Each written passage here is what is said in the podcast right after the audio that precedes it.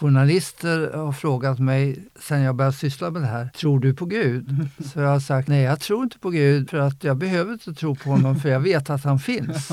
Ja men hur vet du att han finns? Ja, då säger jag, ja det första man måste ju bestämma innan man diskuterar då om han finns eller hon finns eller inte, det är ju vad är Gud? Och då har man svårt att förklara det. Ja, Gud är ju ingen eh, farbror som sitter uppe, men vad är Gud då? Ja, då kommer man till sist fram till att det som Einstein säger, att det finns bara två saker. Det finns energi och det finns materia. När vi är här nere på jorden så är vi materia. När vi dör så går vi över till energin. Ja. Det är ju bara de två sakerna. Eh, då blir ju Gud den eviga energin. Och det är ju då väldigt bra att se det på det sättet för då, då blir man inte bunden i de begrepp som man har gjort i olika religioner där man försöker förmänskliga Gud, klä det i mänskliga former för att vi ska förstå. I och för sig kan man förstå det eftersom vi har svårt att förstå det här med icke-tid och icke-rum, evigheten, rum och tid. Den mänskliga hjärnan är ju bunden i tid och rum och därför har vi svårt att förstå den, det andra. Och då klär vi det i mänskliga termer men då blir lite olika i olika religioner. Och sen blir man så bunden vid den här beskrivningen att man slår ihjäl någon annan för att den har en annan sätt att nå Gud än jag. Wow, wow, wow, mina kära lyssnare. Det är med otroligt varmt hjärta jag presenterar det här avsnittet som är med ingen mindre än den levande legenden Lars-Erik Unestål som är en pionjär inom den mentala träningen och eh, hur vi kan skifta vårt mentala mindset. Lars-Erik själv har haft stor inverkan på mitt liv då när jag var 15 kom i kontakt med mental träning via en som hade gått hans utbildning. Jag kommer gå in på det mer här i början på avsnittet, min resa där och hur mycket det har förändrat mitt sätt att se på mig själv och min egen självbild. Och det är en stor inspirationskälla som än idag driver mig med det arbetet jag gör inom PLC och varför jag driver den här podden också. Att jag vill hjälpa dig som lyssnare att ta tillbaka mer din egen inre auktoritet och kraft som du faktiskt besitter. Och i det här avsnittet så pratar vi just om det här, hur vi kan finna vår inre kraft. Lars-Erik berättar om sin resa och det otroliga jobbet som han har gjort i över 60 års tid med både med hypnos, mental träning och coaching. Och som ni märker så blir det också väldigt djupt. Som ni hörde i inledningen så kommer vi också in på Gud och pratar om vad är Gud? Och det är inte så konstigt med en sån här djup man som Lars-Erik. Och i samband med det här avsnittet, min kära lyssnare, så kommer jag också att dela ut en gratis meditation här i vårt Spotify-flöde som du kan lyssna på. En av de mest populära meditationerna som jag har skapat som också bygger mycket på det som Lars-Erik har skapat också. Det är en sömnmeditation som kan hjälpa dig att komma mer till ro. För en bra dag startar alltid med en god nattsömn och en god nattsömn startar alltid när man är avslappnad och tillfreds med sig själv. Så det är min gåva till dig här idag, kära lyssnare, bara för att bjuda, för att jag är så glad att också dela detta avsnittet och dela mer sätt för dig att ta hand om dig själv bättre helt enkelt. Och är man intresserad på att lyssna på fler meditationer till mig så finns det flera i vår exklusiva medlemsportal som är tillgänglig för våra coachingklienter och medlemmar i PLC. Om du är intresserad på att veta mer om hur man kan bli medlem och ta del av alla de här resurserna som vi delar för att hjälpa dig till en mer helhetshälsa så kan du alltid kolla in vår hemsida www.plclub.se där du kan läsa mer om vårt arbete med hur vi hjälper dig med din hälsa.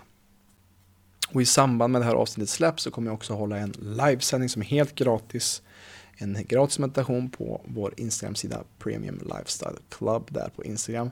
Så gå in på vår profil, följ oss där för att se när detta sker helt enkelt. Och innan vi drar igång med Lars-Eriks avsnitt här så vill jag bara påminna dig om vårt samarbete med pureness.se. Använd koden PLC-podden med 2D när du checkar ut i deras onlinekassa för att få 20% rabatt på hela ditt köp när du handlar alltså på pureness.se. Använd koden PLC-podden med 2D för att få 20% rabatt på ditt köp där. Nu kör vi igång med veckans avsnitt. Hej och välkommen till PLC-podden, podden som förändrar Sveriges syn på hälsa med mig Robin Hallsten. Idag är jag otroligt glad att sitta på Hagalund här i Örebro hos min gäst som är ingen mindre än Lars-Erik Unestål. En, i mina ögon en levande legend som faktiskt har förändrat Sveriges syn på hälsa.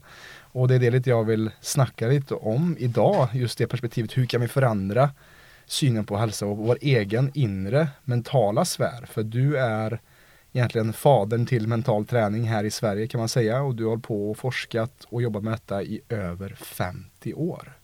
Varmt välkommen till podden och och tack för att jag får komma hit och träffa dig också. Tack själv. Ja. Trevligt att träffa dig. Ja. Eh, eftersom du jobbar med ett så viktigt område mm. och har gjort länge. Ja. Och eh, vad jag har hört så har du ju många lyssnare och eh, många som följer dina råd och eh, dina träningsprogram också. Mm.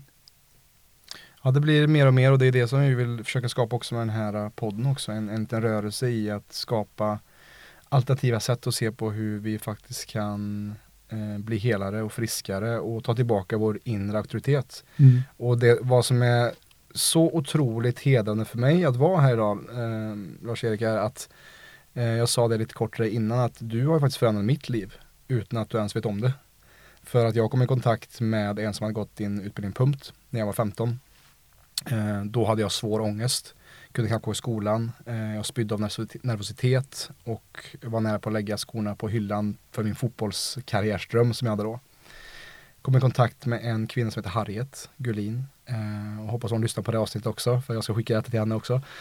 Ehm, hon lärde mig just att skapa ett eget mentalt inre rum där jag kunde skriva om historien om mig själv och eh, Eh, den här ångesten som jag skapade och projicerade in i min framtid.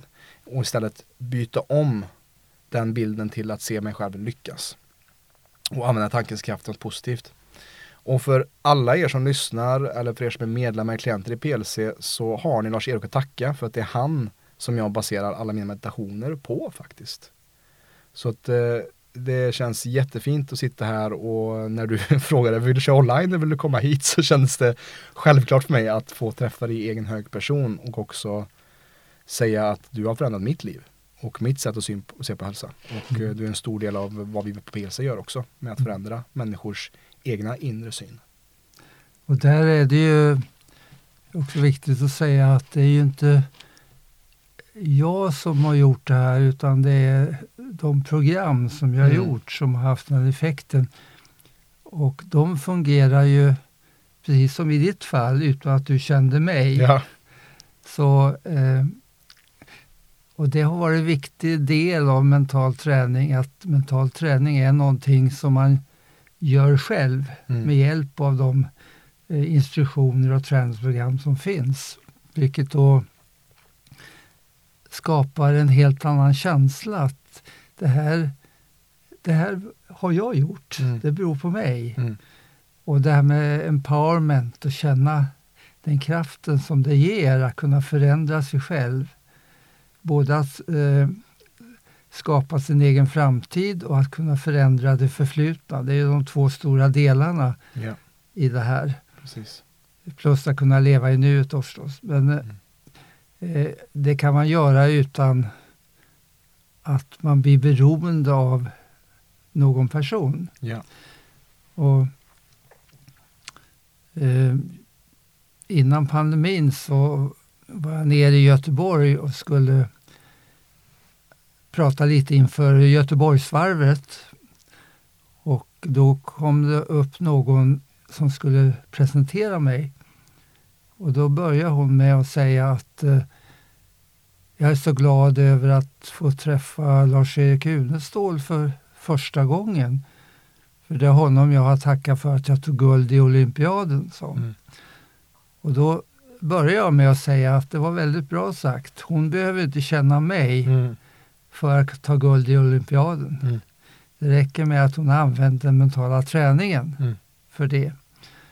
Så just det du påpekar då att du kom i kontakt med det här utan att veta att jag var inkopplad. Nej, precis. Det är ju någonting som är väldigt viktigt. Mm. Att eh, Man bygger inte upp mental träning kopplat till någon guru utan Nej. man bygger upp det kopplat till mig själv som guru. Ja, Mig själv som, eh, som den som skapar den här nya framtiden. precis. Så att eh, det är en viktig del. Ja, jag tänker på det här bibelordet istället för att ge människor en fisk, lär dem hur man kan fiska själv.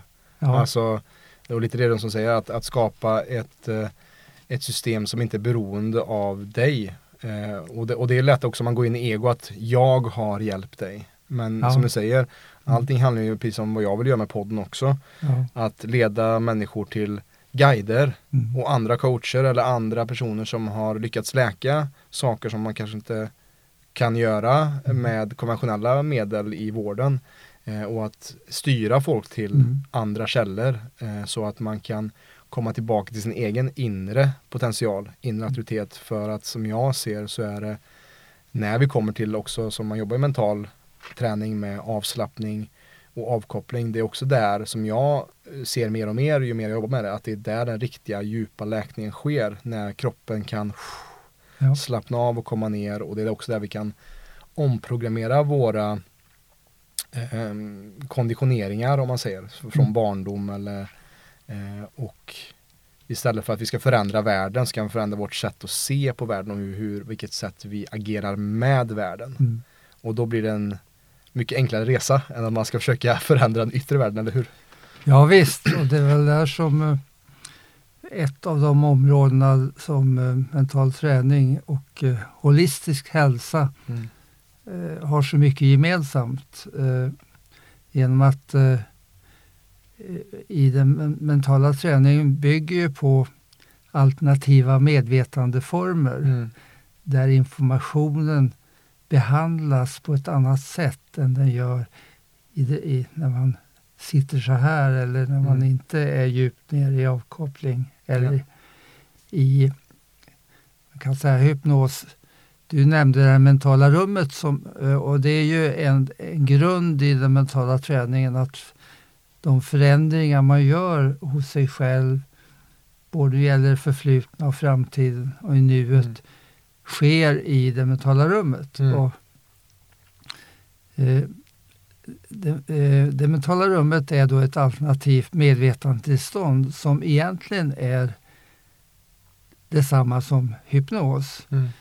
Men när jag eh, byggde upp den mentala träningen på 60-talet då i Uppsala eh, så eh, då jobbade jag egentligen med eh, hypnos som, som grund för eh, det här alternativa medvetandeformen. Jag förstod ju att man behövde ett alternativt medvetande för att kunna få kontroll över saker som man normalt inte får kontroll över. Till exempel, jag var idrottsman själv Mm. och eh, när jag kom till eh, eh, Uppsala så vill jag forska på saker som hade med idrotten att göra. Och där var det ju tre saker som eh, var, eh, som alla egentligen sysslar med idrott kommer att lägga märke till. Det ena är ju att eh, prestationen kan variera så mycket upp och ner. Inte bara från en tävling till nästa Mm. utan också i samma tävling. Ja. Och eh, det har ju inte med att man har olika förutsättningar utan att man inte kan använda sina förutsättningar på samma sätt. Det kan vara stor skillnad mellan första och andra halvlek i fotboll till Mm. exempel. Ja. Man kan tro att det är två olika lag som kommer ut. Eh, utan det har ju med att det händer saker i huvudet som Mm. påverkar kroppen. Mm. Så att det första området eh, som är viktigt att titta på det är ju vad finns det för kopplingar mellan eh, det mentala, mellan mind, det är svårt att hitta något bra uttryck för mind på svenska. Man säger sinne eller Men jag använder ofta or, engelska ordet då, Mm. mellan mind och body. Mm. Eh, så det var det första området. Det andra var ju eh, när man ibland är, eh, när det går riktigt bra, när man har det vi kallar för flyt, så märker man ju att det är ett speciellt medvetandeområde. Mm. För att, eh, och det märkte jag också när jag började jobba med, med landslagen. Då brukar jag fråga första gången vi träffades, hur ofta har ni flyt? Mm.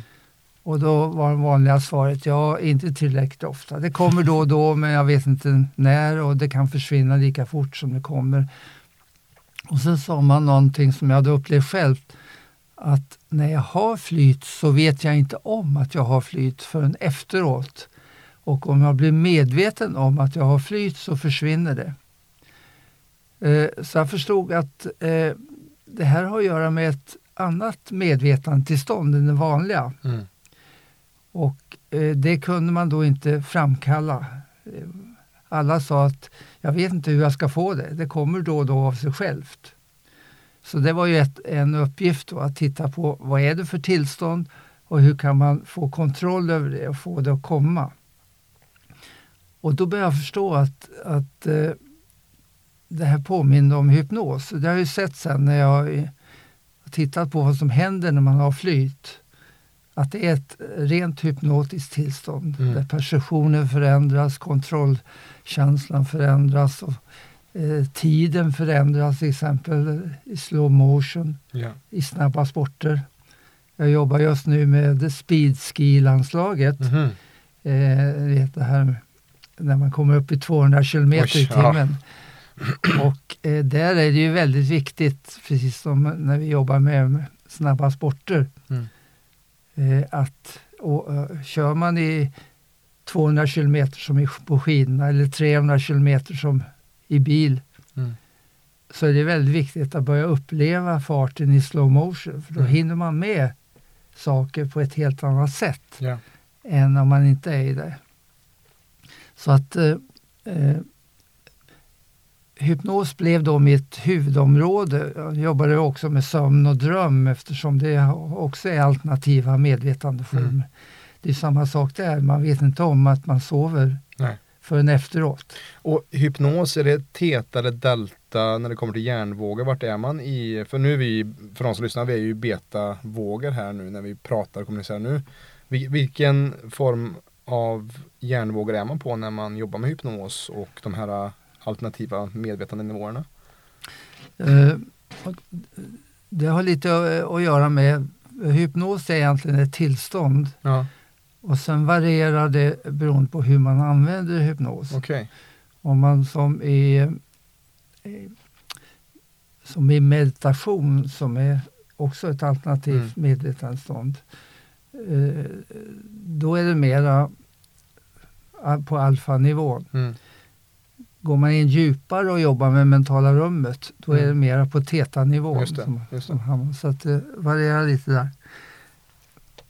Men, eh, det eh, men i och med att eh, och, och jag gjorde min doktorsavhandling omkring hypnos då. Men sen när jag skulle skapa mental träning då, då fanns det ett problem där att använda ordet hypnos. Mm. För att eh, jag startade Svensk förening för, för klinisk hypnos 1965. Och eh, hypnos vid den tiden, den vetenskapliga den, hypnosen, den var kopplad till klinisk hypnos. Och det innebär ju då att eh, det är bara de som är kliniskt utbildade som får använda hypnos. Mm. Så är det fortfarande runt om i världen när det Mm. gäller den vetenskapliga hypnosen. Den är, bara den är begränsad till de som är utbildade. Mm. Och det gjorde att jag startade utbildning för läkare, psykologer och tandläkare i hypnos och hade det under 20 år. Ja. Samtidigt så hade jag visat under 60-talet att all hypnos egentligen är en form av självhypnos. Och därför var det väldigt viktigt att sprida det till alla människor. Mm. Och eh, men samtidigt så fanns det då många missuppfattningar omkring hypnos eh, bland människor. Så jag tänkte, för att komma undan det här med att eh, hypnos egentligen är begränsad till läkare, psykologer och tandläkare och kunna använda det ändå för varje människa mm. så kanske jag kalla det någonting annat. Ja, och eh, då valde jag uttrycket det mentala rummet mm. som är ett hypnotiskt tillstånd mm. men som inte har den här belastningen med själva namnet mm. hypnos. Och jag valde det här med mentala rummet för att eh, många idrottare använder uttryck som eh, att gå in i, i sitt rum eller sin eh, Jimmy Connors tunnel. Mm. Idag säger man ofta att gå in i sin bubbla. Ja. Och eh, det är ett uttryck för att man går in i uppgiften kan koppla bort alla störningar mm. och vara helt fokuserad på det man ska göra. Mm. Eh, så då blev det så att eh, jag har använt hypnos för alla människor ja. i 50 år men kallat det någonting annat. Ja. Och det var för att komma ifrån det. Så det var det andra området. Det tredje området var att se eh, vad kan man göra med träning? För jag hade märkt eh, redan då att eh, ja, träning var ju kopplat till fysisk träning vid den tiden. Inte till mentalt. Mm. Att kunna förändra sin personlighet och det mentala, sina tankar och sina känslor och så med träning, det visste man inte då. Mm. Och det var viktigt att pröva ut. Eh, kan man använda träningsmetoden för att också ändra eh, de områdena? Mm. Eh, vilket jag visade då att det går bra. Man kan förändra det mesta genom träning. Och det var också viktigt därför att eh, eh, när man är på universitetet då, som, som lärare, vi hade till exempel en, en eh, seminarium med en amerikansk professor i pedagogik. Och då frågade han oss lärare, vad är syftet med det ni gör? Och det är en väldigt viktig fråga. Man ska mm. alltid veta vad syftet är med det man gör. Ja.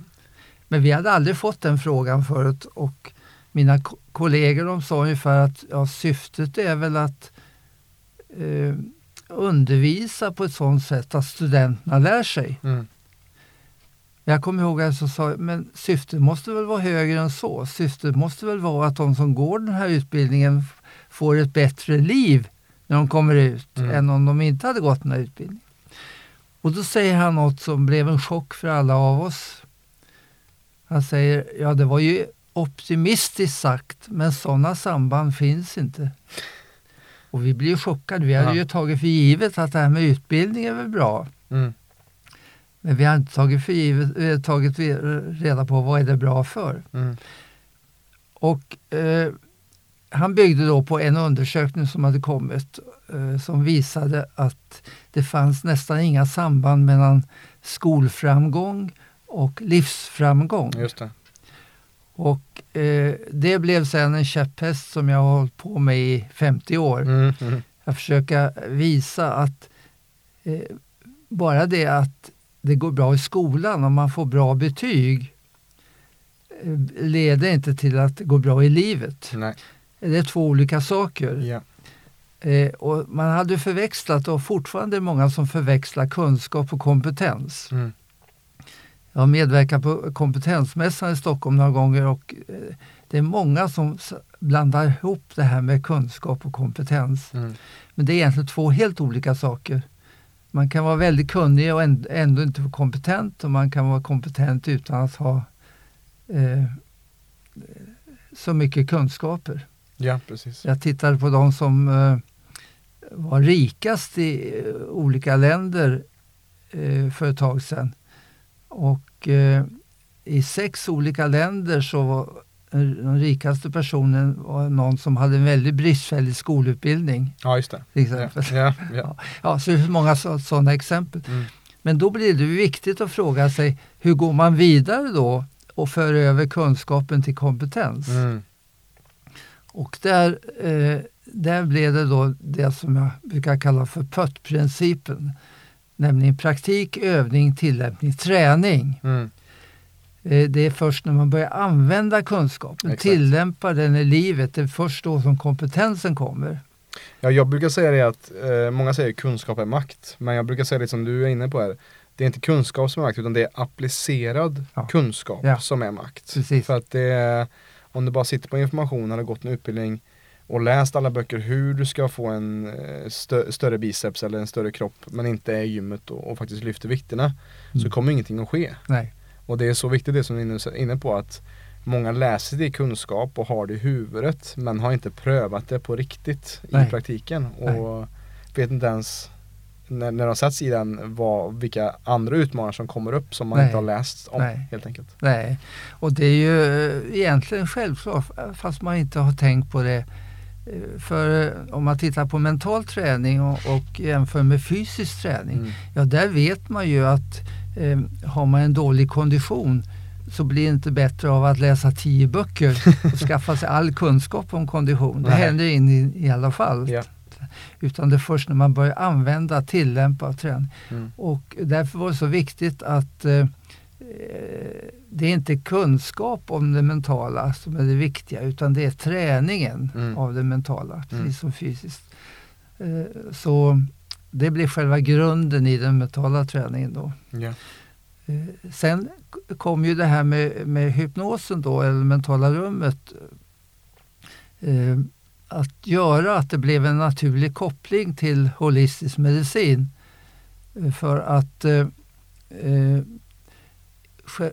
man tittar på tillståndet man är i, i när man är i det mentala rummet. Vi gjorde, jag gjorde forskning i 11 år med eh, två universitet i, i Ryssland. Mm. Eh, och där, där översatte vi dels träningsprogrammen till ryska eh, och dels inom idrott och dels i skola och dels hälsa. Men sen gjorde vi också studier på vad händer i hjärnan Mm. när man är i det mentala rummet.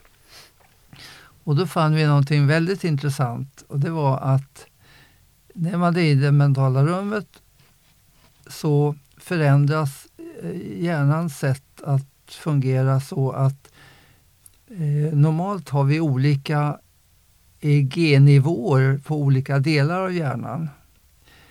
Men plötsligt så blev det en slags helhets-EEG. Det var samma, samma EEG-nivå på alla fyra Mm. kvadranterna av hjärnan. Ah. Hjärnan börjar fungera som en helhet. Är, det det som Joe Dispenza kallar coherency eller? Att, att blir en koherent, att blir en Ja, det har Samma- lite med det att göra. Ja, det. Och eh, eh, kommer kalla det då för den holistiska hjärnan ah, som man får när man är i det mentala rummet. Ja. Det var det ena. Det andra var att eh, vi tittade på eh, eh, fr- ehm, relationen mellan de olika frekvenserna. Mm. eh, mellan eh, eh, kvoten mellan alfa och, och beta 1 och beta 2 och delta och teta Mm. så fann vi en kvot som var likadan oavsett vilken eh, kvot man tog, Mm. nämligen 1,6. Mm. Och det gjorde att jag blev väldigt intresserad av begreppet 1,6. Mhm. Eh, vilket ju är eh, symbolen för eh, pi, eh, det som vi kallar för gyllene snittet. Mhm. Och jag har just gett ut en bok för ett par, år, eh, ett par månader sedan som handlar om det gyllene snittet. Och, eh, som vi kallar gyllene, gyllene snittet nyckeln till livet och universum. Intressant. För det visar sig då att eh, den här kvoten den eh, finns med från människans barndom. Mm. Allt från eh, pyramiderna, grekiska templen och olika byggnadsverk, Notre Dame och FN-skrapan och så vidare är byggt Mm. på den här kvoten. Eh, Det finns med i naturen, löv, eh, i växter och så vidare har den här kvoten. Jo, vi har den här kvoten också i, överallt i, i kroppen eh, på ett 50-tal olika sätt. Då tar man fingrarna, så den kvoten mot den, den kvoten mot den och så vidare. Eh, vi har det i ansiktet på en 30 olika sätt beroende på eh, all skönhet till exempel. För det här gyllensnittet står då för harmoni, balans och skönhet Mm. i världen.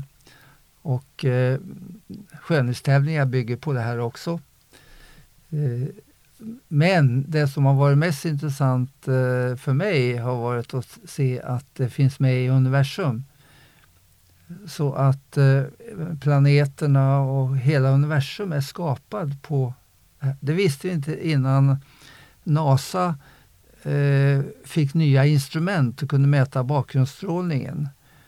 Så eh, det visade sig då för några år sedan att när de samlade ihop eh, de mätningarna man gjort av bakgrundsstrålningen så visade sig att hela universum bygger på gyllensnittet, Mhm. en kvot. Mm. Och det har ju i sin tur gjort att eh, eh, även innan man visste det här genom NASA så trodde många, eh, Kepler och Einstein och så, att det var så. Så att eh, det gör att Einstein säger till exempel att eh, eh, det vore ju vansinnigt att förneka att universum är skapad. Därför att det här kan inte ha uppkommit av en slump. Mm. Utan någon, det måste finnas någon som har skapat allt det här. Mm. Eh, och därför kallas det också det här kallas för eh, eh, section divine, det, det gudomliga snittet, det. kvoten. Eh, vilket har lett fram till att eh, ett intressant gudsbegrepp då, som Mm. har med den eviga energin att göra, så, Mm. som har den här kopplingen då. Vilket har gjort att eh, när journalister har frågat mig sen jag började syssla med det här, tror du på Gud? Så jag har sagt, nej jag tror inte på Gud för att jag behöver inte tro på honom för jag vet att han finns. Ja men hur vet du att han finns? Mm. Ja, då säger jag, ja det första man måste ju bestämma innan man diskuterar då om han finns Mm. eller hon finns eller Mm. inte, Mm. det är ju vad är Gud? Mm. Och då har man svårt att förklara det. Mm. Ja, Gud är ju ingen eh, farbror som sitter uppe. Nej, vad är Gud då? Mm.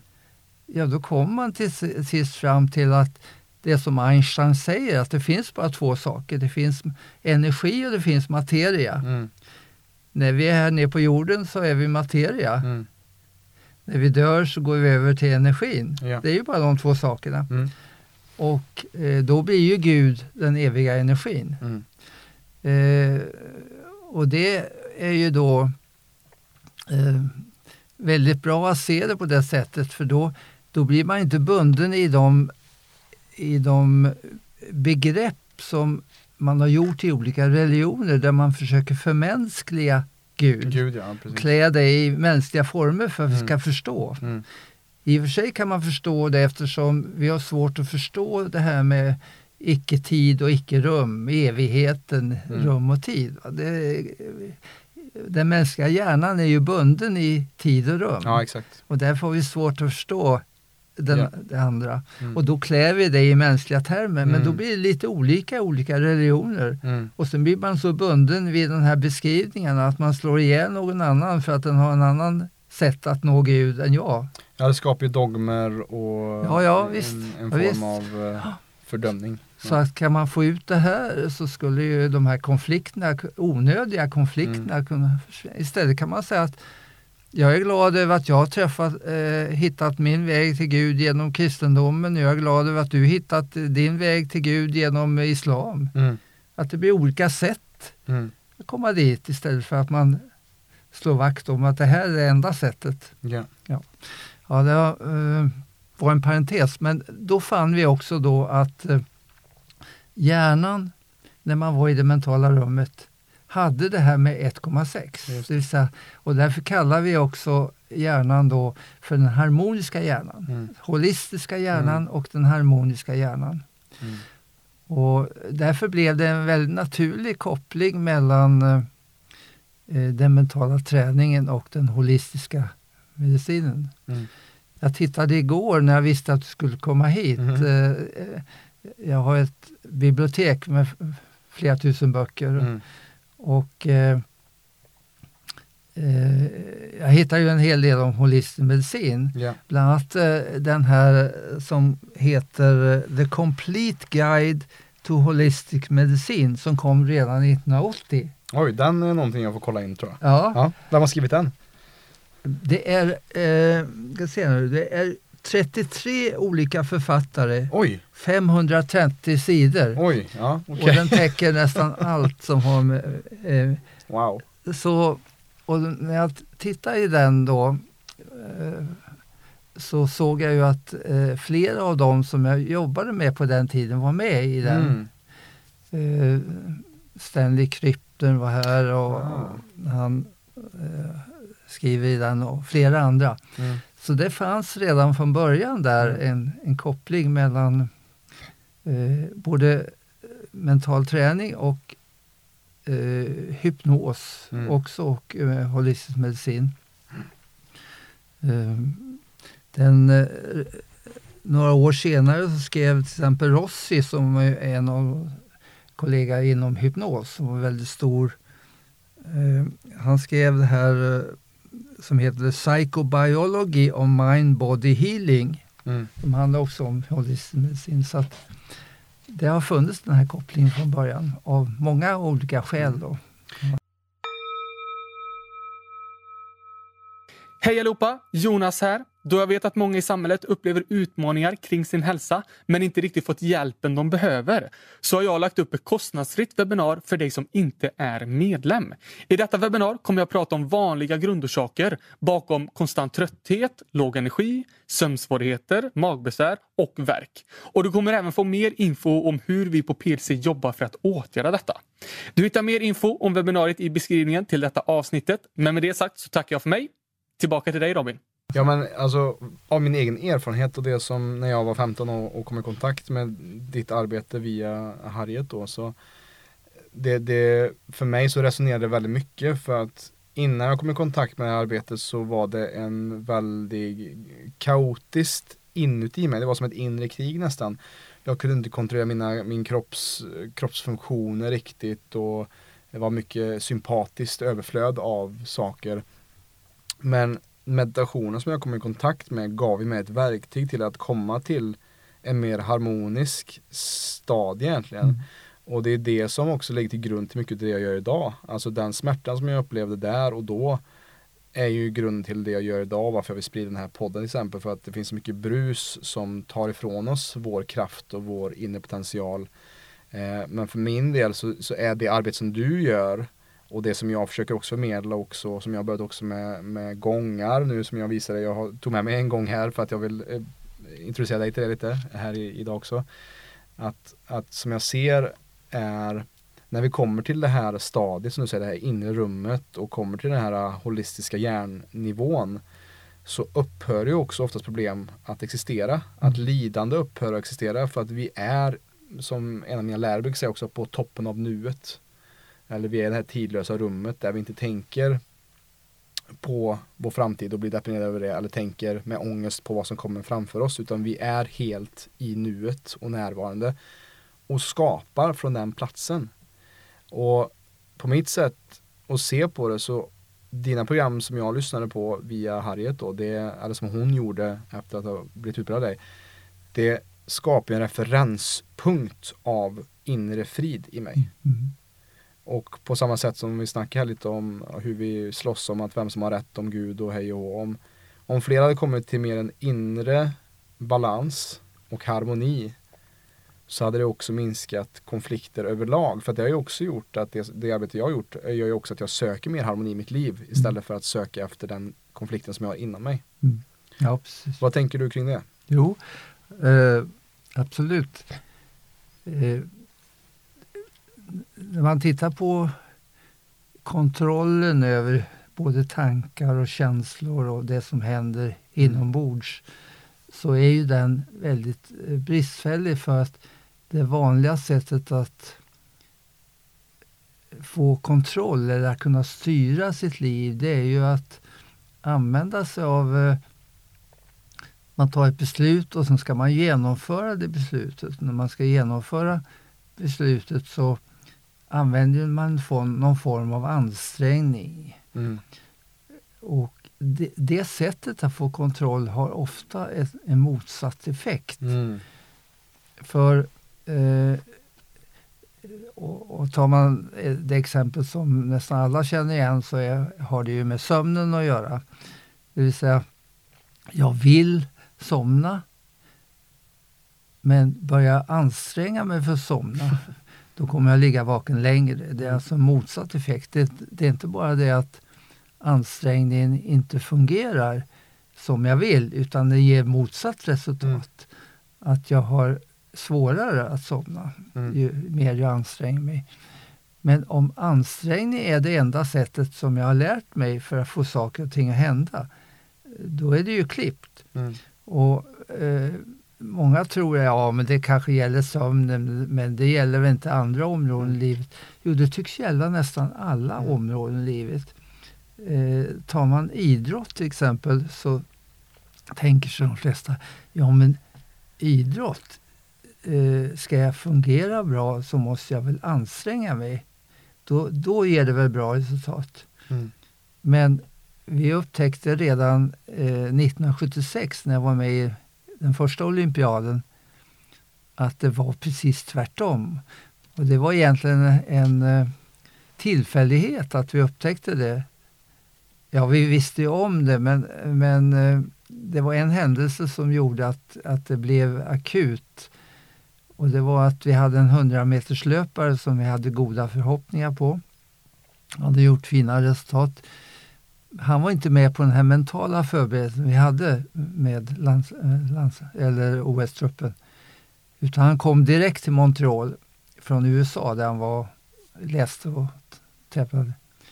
Men med de tider han hade gjort skulle det inte vara något problem alls. Ändå åkte han ut i första loppet. Mm -hmm. Och jag såg att någonting hände efter 50 meter så att jag frågade honom efter loppet, vad var det som hände? Han sa, jag kom, märkte att jag kom bra iväg men sen efter 50 meter började jag tänka, jag måste nog öka farten för att stanna kvar i loppet. Mm. Så jag började ta i. Vad hände då? Farten gick ner. Mm. Och då började vi fundera mer och mer, vad hur kommer det sig att, att effekten blir, prestationen blir sämre när man börjar ta i? Eh, så efter det olympiaden gjorde vi en studie med eh, ett 20-tal landslag där vi tittade rent muskulärt. Vad är det som skiljer de som är i landslaget från de andra? Mm. Och eh, det visade då, när man mätte med EMG, eh, att skillnaden var förmågan att slappna av i antagonisterna, mm -hmm. de motsatta musklerna, de som motarbetar, de som yeah. bromsar. Yeah. Och det är klart, börjar man ta i, då börjar man jobba också med bromsarna, mm. antagonisterna. Mm. Och det blir alltså tvärtom. Yeah. Så det är därför när man har flyt, då går allting av sig självt. Mm. Så lätt. Allting bara fungerar. Mm. Eh, men det här då att det till och med i idrotten var så att när man börjar anstränga sig så blir det tvärtom. Mm. Det har då visat sig att det gäller de flesta områdena. Det är till och med så att Många menar att man kan aldrig bli lycklig om man försöker bli lycklig. Om man strävar efter att bli lycklig blir man aldrig lycklig. Mm.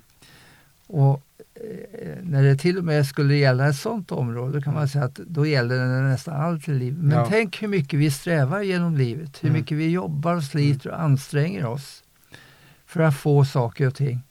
Tänk om vi kunde hitta det här andra sättet där vi får mm. saker och ting att hända eh, av sig självt. Mm nästan. Och därför har det här som eh, jag kallar för eh, programmering eh, eller eh, ja, eh, målprogrammering kan man säga då, eh, blivit en, en av de viktiga sakerna med mental träning. Att man inte bara bestämmer sin framtid utan att man eh, förvandlar målen till målbilder. Och bilder, till skillnad från tankar, Mm. är ju en helhetsfunktion. Ja. Så det mentala träningsspråket det är bilder, inte tankar. Mm. Eh, vi för över alltså eh, allting som vi ska jobba med till, till bilder. Men, eh, nu, nu får man ju säga då att eh, eh, ordet bild är lite missvisande. På engelska är det ju image Mm.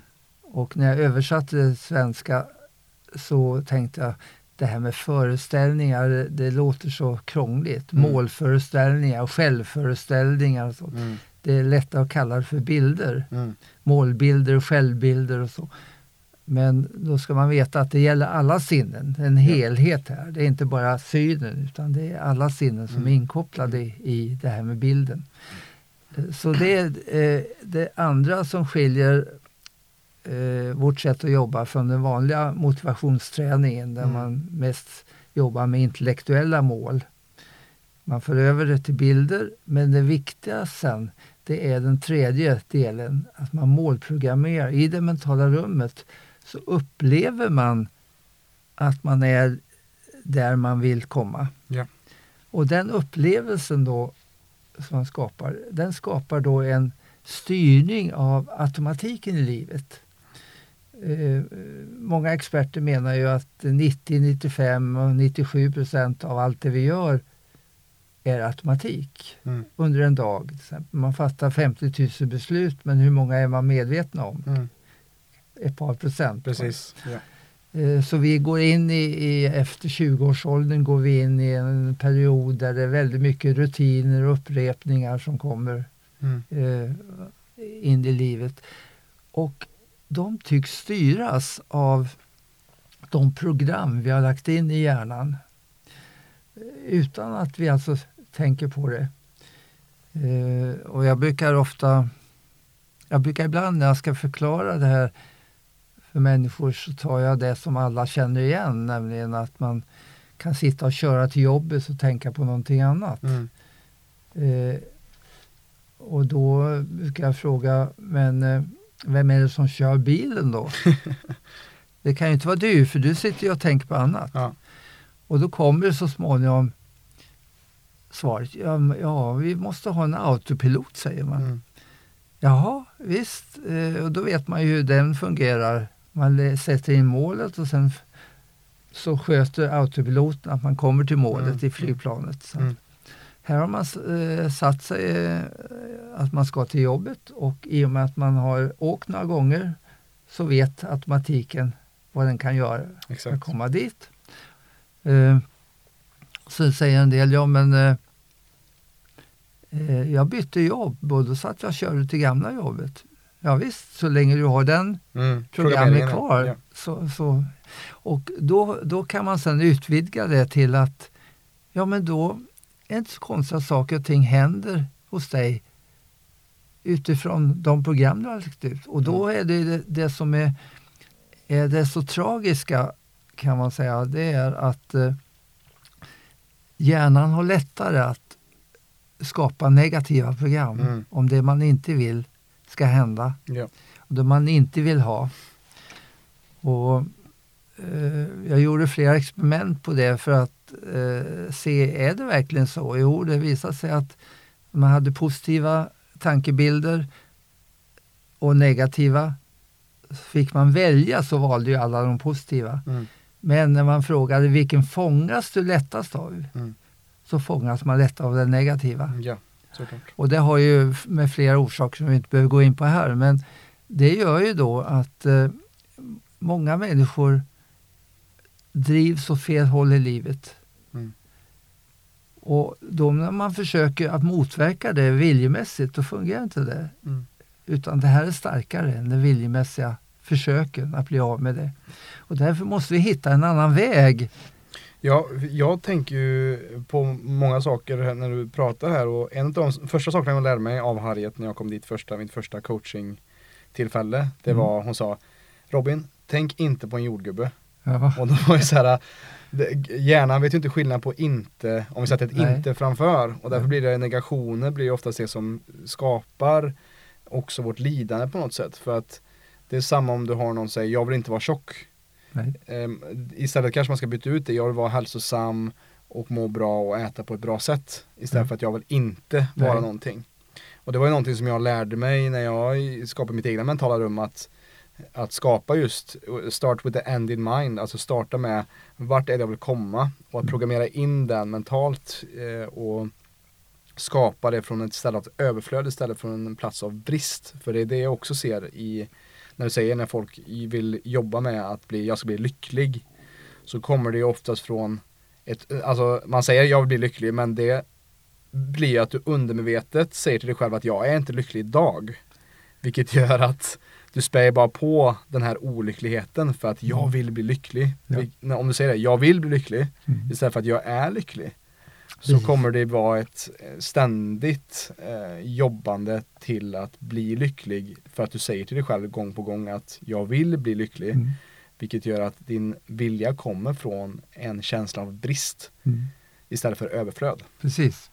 Det här, som du är inne på, det är jätteviktigt. Eh, Tittar man på bilderna som en helhet så innebär ju det som du säger att negationer skapar fel bilder. Eh, och, eh, när jag skrev golfboken så tog jag väldigt många exempel då på, på just det du säger då. Mm. Eftersom det är så lätt att eh, man fastnar på, är man en dålig bunkerspelare och den ligger till höger om green så säger man den här gången får jag inte hamna i sandbunkern och då är det enda bilden i, i, i den meningen det är ju sandbunkern. Mm. Så kroppen kommer ställa in sig på sandbunkern Ja. och sen ligger bollen där. Ja. Och vinkeln på klubban, om den är riktad på s- sandbunkern eller eh, green, det kan ingen spelare i världen veta. Mm. För den vinkeln är så liten Mm. att eh, det går inte att fastställa. Mm. Eh, jag har gjort försök med vårt Davis Cup-lag i tennis på 80-talet. De fick stå, slå servar och så mitt i en serv säga slut ögonen och tala om vad du har för vinkel i armbågen och i, hand, i, i racketen.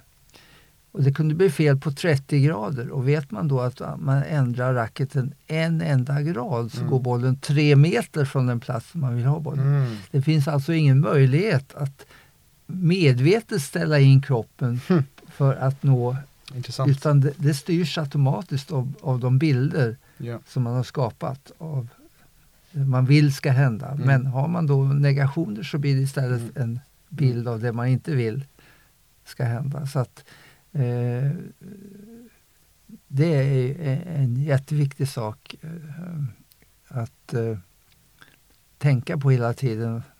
Vad är det för bild som skapas Mm. av, det, av det jag tänker på? Och, och jag tycker det är också intressant för att eh, jag, jag skulle vilja säga också att eh, universum eller Gud lyssnar alltid på vad du säger och vad du tänker.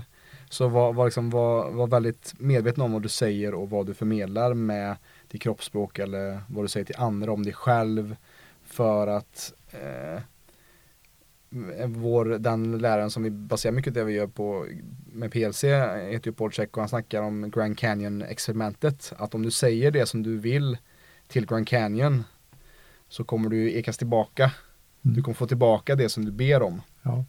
Ja. Ask and you shall receive. Och, och, och har man då en negation i sin vilja Mm. så kommer du få tillbaka mer av det som du inte vill ha i ditt liv. Mm. Så därför är det så otroligt viktigt att bryta om det mönstret i att ta bort negationen och se vad, hur kan jag göra en positiv spin på detta? Istället för att säga jag inte vill ha detta, vad är det faktiskt du vill ha istället då? Mm. Ja, precis. Ehm, Så att man kommer med från Det du var inne på eh, också är jätteintressant för att eh, eh, en viktig del i eh, mental träning och som också har med eh, det holistiska sättet att se och, och göra det är ju att eh, eh, om man tittar på förflutna och nuet och framtiden då Mm. Så eh, innebär ju holistisk medicin eh, inte bara att jobba med, med nuet Mm. utan också att eh, eh, hindra saker att hända. Det vill Mm. säga, eh, förbereda för en bra framtid. Mm. Eh, och Den vanliga modellen då som inte finns i, som finns i samhället men inte i holistisk medicin eller i mental träning. Det är ju, jag brukar kalla den för K-modellen. Mm. Och K står då för den kliniska modellen, den står för eh, den kritiska modellen, den står för klagomodellen, Mm. eh, den står för klandermodellen, Mm. så det finns en massa sådana eh, Mm. negativa K-ord. Och den kliniska modellen det är ju en slags felmodell, felmodell, det vill säga man gör saker när någonting blir fel. Mm. Ma- Och det kan vara naturligt, tycker man då, när det gäller en läkare. Man går till en läkare därför att någonting är fel. Mm. Eh, man går till en psykolog för att eh, eh, man går inte dit för att tala om hur bra man sovit på natten, utan tvärtom. Det måste vara något fel. Mm. Eh, så har det varit också inom psykologin än- ända fram till 1998 Mm. när man då kom den positiva psykologin. Mm. Men annars så har ju den här eh, K-modellen tillämpats också i, i nästan alla delar av samhället. Eh, när, Man ser bara på ordet eh, sjukhus ja, istället för att vi skulle ha ett friskhus. precis. Det vore naturligt att prata om Mm. ord som av det man vill istället för det man inte vill. Ja. Och man har ju ändrat lite. Då. Arbetslös talar man om förut. Mm. Nu talar vi om arbetssökande. Mm. Så att det har gått lite in men det återstår oerhört mycket Mm. för att gå över från den här kliniska modellen, LK-modellen, till, eh, till U-modellen, Mm. utvecklingsmodellen. Mm. Mm. Eh, och det är jättespännande att, att jobba på den. För att när, man kom, när jag kommer till företag då och tar upp det här med förändring och K och U-modellen, Mm. då säger jag till exempel att eh, ja, när ni kommer med förslag på förändringar, vad, vad, vad händer då? Ja, vi möter mycket motstånd. Man säger, eh, vad är det för fel på det vi har gjort? Mm. Man tar eh, det här som att ett misstroendevotum att förändras. Mm. Därför att man upplever att förändring har att göra att någonting måste vara fel. Mm. Man måste vara missnöjd med någonting. Mm. Så kommer jag och säger, det finns en U-modell som innebär att eh, man frågar sig, kan det här göras ännu bättre? Utan att det behöver vara något fel på nuet. Mm. En U-modell med en ständig förbättring. Där man är nöjd och glad med det man gör men frågar sig, det här kanske kan bli ännu bättre. Mm. Mm. Man går från eh, good to great, man går från bra till ännu bättre.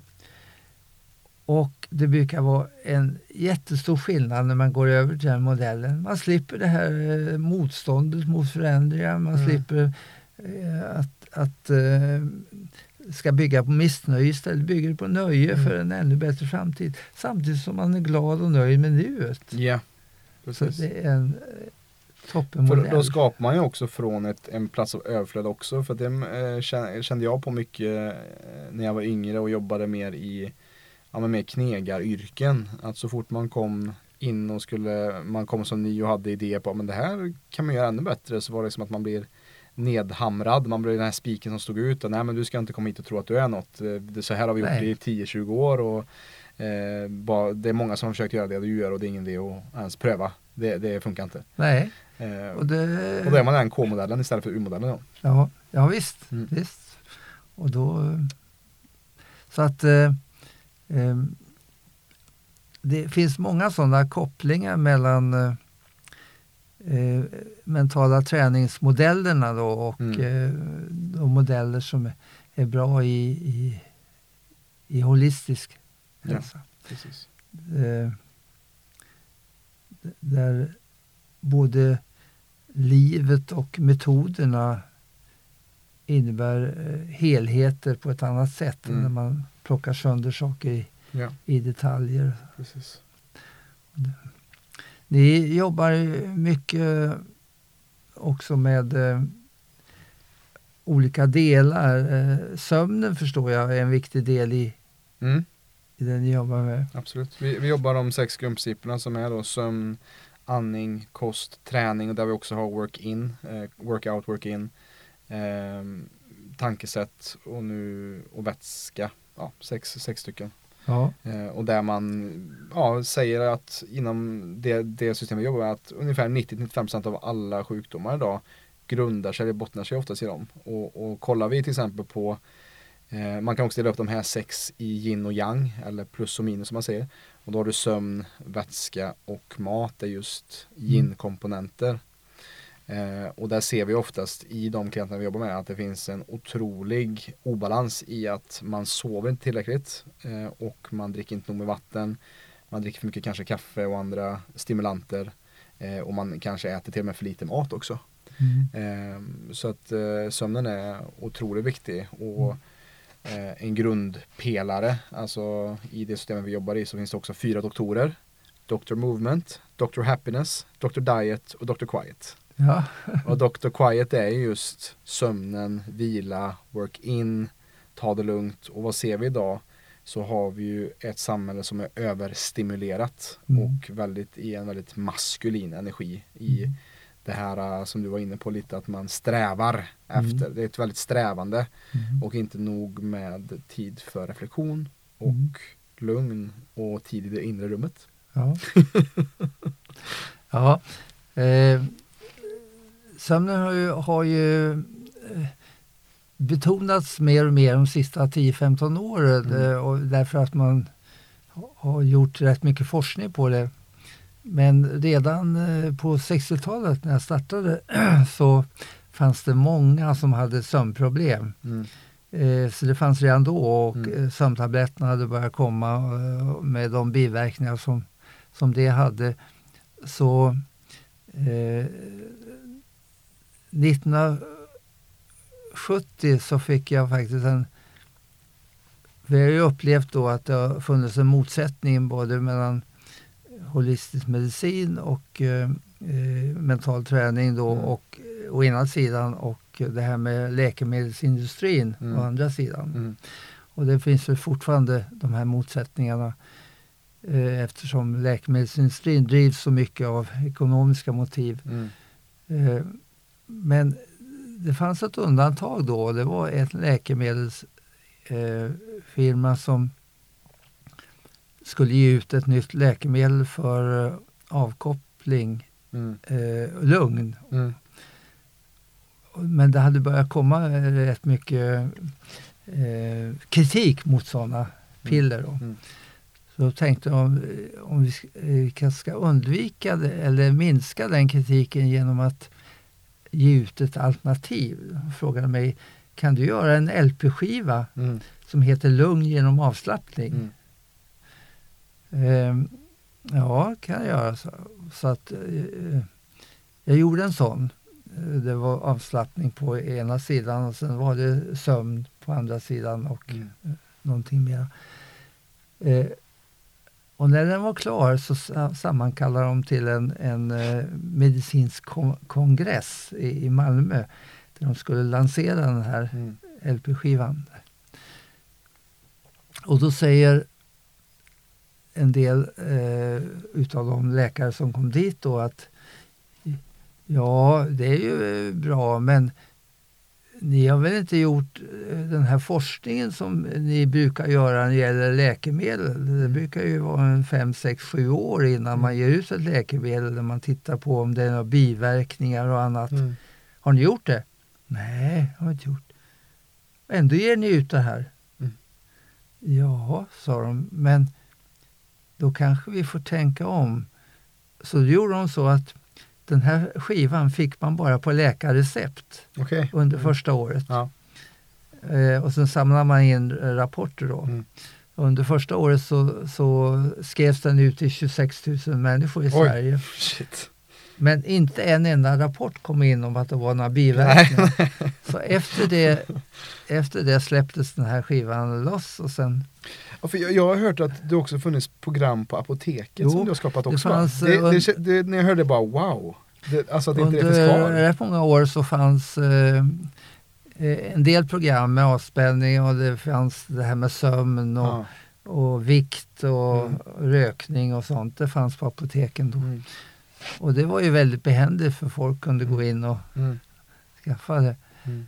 Ehm, eh, och det kom, en orsak till det var att vi beslöt i, i Motala på lasarettet att eh, göra en sömnlinje. Mm.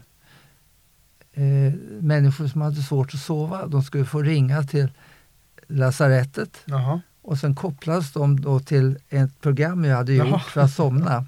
okej. Eh, och sen efter en halvtimme så bröts eh, Ja. luren eller telefonsamtalet. Då. Eh, det visade sig att det började ringa så mycket folk så att efter, och inte bara från Motala utan från resten av landet också. Så att efter tre månader fick man lägga ner det för växeln höll på att bryta ihop då.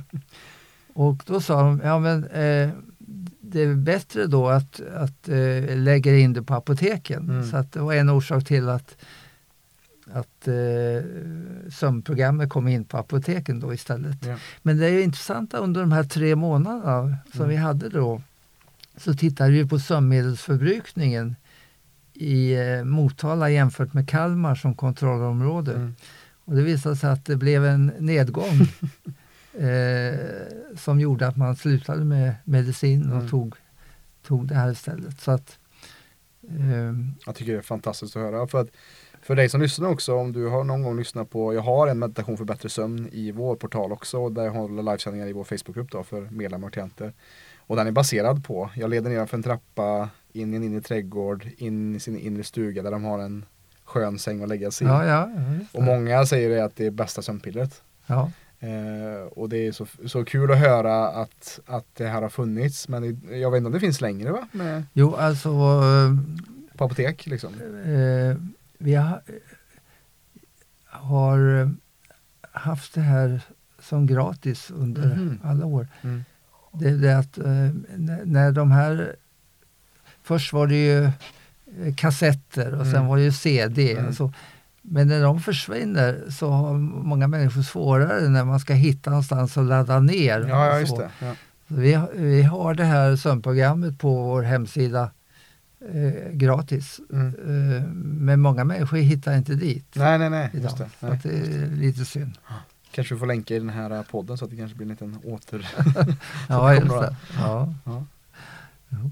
Ja, men det, det är så otroligt kul att sitta med dig och höra också under ditt liv så har du verkligen gjort ett avtryck när det kommer till helhetshälsa eller alltså försökt hjälpa folk med som jag ser ibland tankesättet och det mentala är oftast det som styr resten av hälsan också. Alltså Mm. har vi ett sjukt sinne eller eh, obalans där så skapar det också handlingar som är vridna eller som inte är från en bra plats som då skapar ohälsa i relationer, i våra sätt att få oss till mat eller hur vi sover eller hur vi dricker och så vidare. Eh, Så att det är så fantastiskt att få se det här i egen hög person. Och det är det som jag också vill med den här podden sprida just ett, ett mer positivt budskap hur vi kan förändra och ta tillbaka vår egen kraft kring vår hälsa. Mm.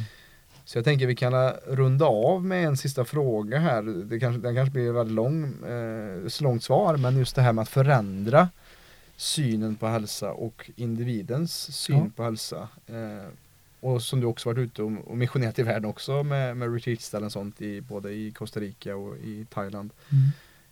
Hur tror du vi kan förändra just folkhälsan?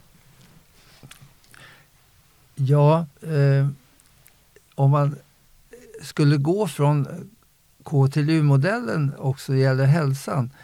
Eh, när jag tittar på skillnaden mellan K och U Mm. så brukar jag ibland ta hälsa som exempel då och säger att eh, vad har, hur har man definierat hälsa i, i K-modellen? Mm. Ja, det har ju varit det att inte vara sjuk. Det har varit alltså Mm. Baseline. eh, Mm. Som har hos folk varit den vanliga uppfattningen. Mm. Är jag inte sjuk så har jag, noll, har jag hälsa. Jag brukar kalla det för nollhälsa, då. Mm. man ligger på nollläget. Mm. Eh, vad skulle skillnaden vara då? Ja, när jag letade efter ett alternativ till nollhälsa-definitionen då så, så fann jag, ja men här har vi ju redan ett förslag från WHO som, som jag tycker var, stämde precis med U-modellen. Mm. Där WHO säger att hälsa det är en optimal fysiskt, psykiskt och socialt välbefinnande. Mm. Eh, och då säger jag till mig, ja, låt oss ta den, den definitionen. Hur många av er har hälsan? Mm. Ja, ingen har ju det. Nej. Eh, trots att man inte är sjuk så har man inte hälsan Mm. utifrån den visionen. Därför det är ju en, en vision Mm. som man kan sträva efter hela livet. Mm. Jobba vidare. Och det innebär ju då att alla kan jobba med att utveckla sin hälsa Mm. oavsett utgångsläget, vare sig man är sjuk eller eh, så kallad frisk. Eh, så kan man jobba vi- vidare mot någonting ännu bättre då. Ja. Eh, och när, jag var, när jag började med det här på 80-talet då så fick jag en, en pro, gästprofessur i Australien under ett år på ett universitet. Och tänkte att jag ska börja, ska försöka göra ett projekt utifrån den här nya definitionen Mm. på hälsa. Mm. Eh, och då kallade jag det för Örebromodellen där borta. Ja. För att liksom, och efter ett år så skulle jag tillbaka till Sverige. Jag tänkte vi måste ha någon som fortsätter det här projektet så att två stycken från universitetet kom ner. Lars-Gunnar Solin och Elisabeth Solin kom ner då och fortsatte med det här projektet. Mm. Sen kom de tillbaka efter ett år och då sa vi, tänk om vi kan få in det här på universitetet. Mm. Eh, och då kallade vi det för Adelaide-projektet för att få ännu större gehör här i Sverige. Mm. Mm. Eh, och då sa de, ja men vad skulle det skilja sig från de här vanliga hälsopedagogerna och hälsoinstruktörerna? Jo, sa, sa vi, det här ska vara en utbildning för där alla som vänder sig till alla människor som, vill, som eh, bör utveckla sin hälsa. Mm. Och så blev det. Det blev en treårsutbildning till hälsoutvecklare som vi hade här på universitetet under hela 90-talet. Mm. Och det, det har just med den här modellen att göra. Mm. Hälsa till alla. Mm. Inte till bara till de som råkar vara sjuka Mm. eller har dålig hälsa. Utan hälsa som man jobbar med som en del av livet utan att det behöver någon eh, utan på grund av missnöje. Mm. Man uppskattar varje dag sin hälsa. Man har en tacksamhetsdagbok där man Mm. skriver upp eh, det man är eh, tacksam för varje dag. Eh, man tittar på det som har varit bra på kvällen. Mm. Eh, vad är det för saker som jag är speciellt glad över idag? Och så vidare.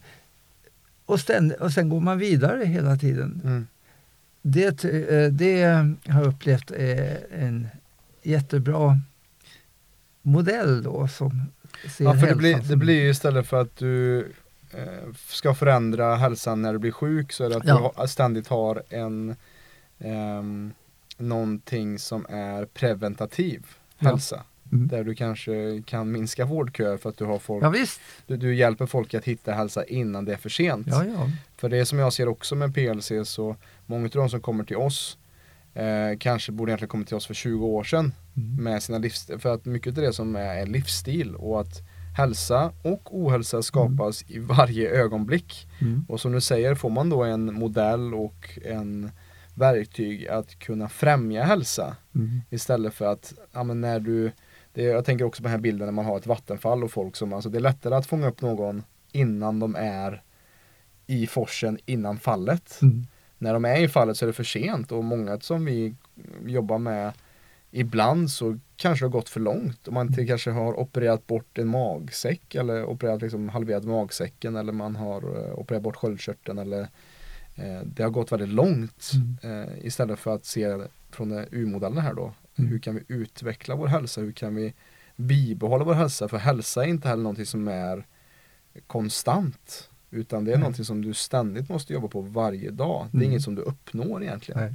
Utan Nej, det är någonting som du måste ständigt utveckla. Det är en vision som Ja. visar riktningen då. Precis. Och just det här att det blir en väldigt bra koppling mellan eh, utveckling och förebyggande. Ja. Det är ju Ja. toppenbra. Mm. Precis. Ja, Ja, det jag, jag tänker att eh, jag är jättenöjd med det här samtalet idag Lars-Erik. Mm. Eh, och stort tack för att jag får kommit hit och hälsa på dig. Ehm, och se den här fantastiska studion var ju också någonting inspirerande faktiskt och eh, någonting som jag själv skulle vilja ha hemma. Ja. Eh, men innan vi rundar av så vart kan folk hitta dig och ditt arbete? Vart är lättast? Mm. Eh, vi har ju eh, två saker här. Vi har eh, Unestål Education som Mm. är det mesta ligger där. Mm. Uh, Unestål, unestaleducation.se Ja. och sen finns det då Scandinavian International University www.sciu.nu. Mm. Det är de två ställena man, vi, vi har våra verksamheter då. Och där finns det också webbshopper om man vill ladda ner program och sånt Ja. där. Kurser. Så att eh, eh, det intressanta är, är ju också att eh, den här utbildningen i mental träning, eh, pumpkursen, Mm. eh, den startade ju som en del av högskolan i Örebro Mhm. då, Mm, på mm, 80-talet. Mm. Okej. Eh, och blev den mest populära utav Open-utbildningarna. Sen Mm. startade jag ju två egna universitet Mm. För att jag ville ha ett Open University som Mm. vände sig till alla människor, inte bara studenter utan Nej. nå ut. Och jag ville också jobba med att vi kommer till dem istället för de kommer till oss. Just det. Så då är ju det här med online Mm. jättebra. Så att punktkursen, alltså utbildning i mental träning, har ju redan från början då gått online. Eh, det vill säga, man har jobbat, man startar när man vill, Mm. Jobbar med sin, i sin egen takt, kan Mm. ta den tid det behövs.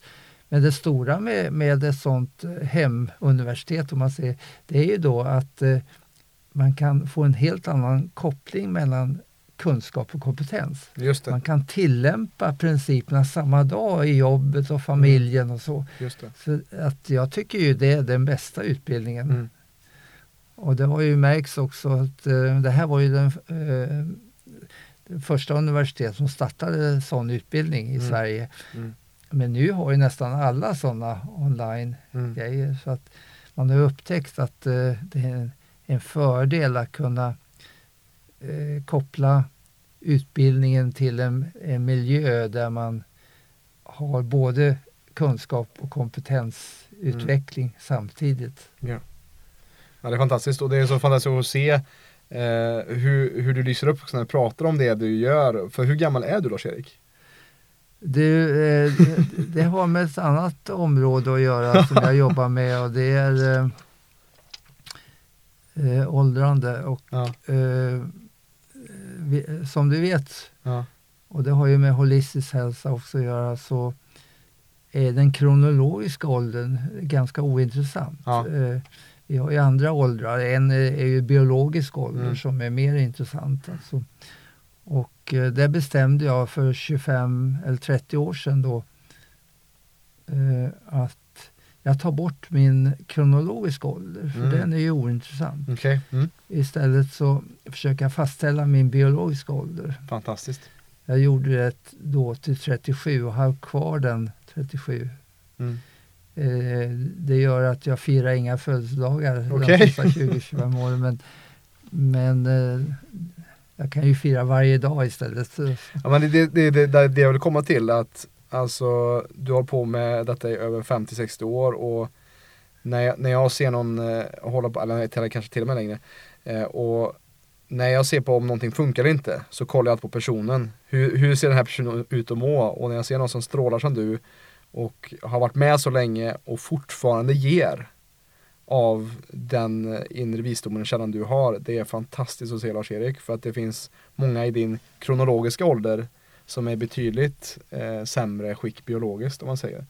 Eh, och det är också ett, eh, en viktig, eh, tror jag, mätstock på det livsverk du har gjort och att du själv är ett levande exempel på det som du lär ut också.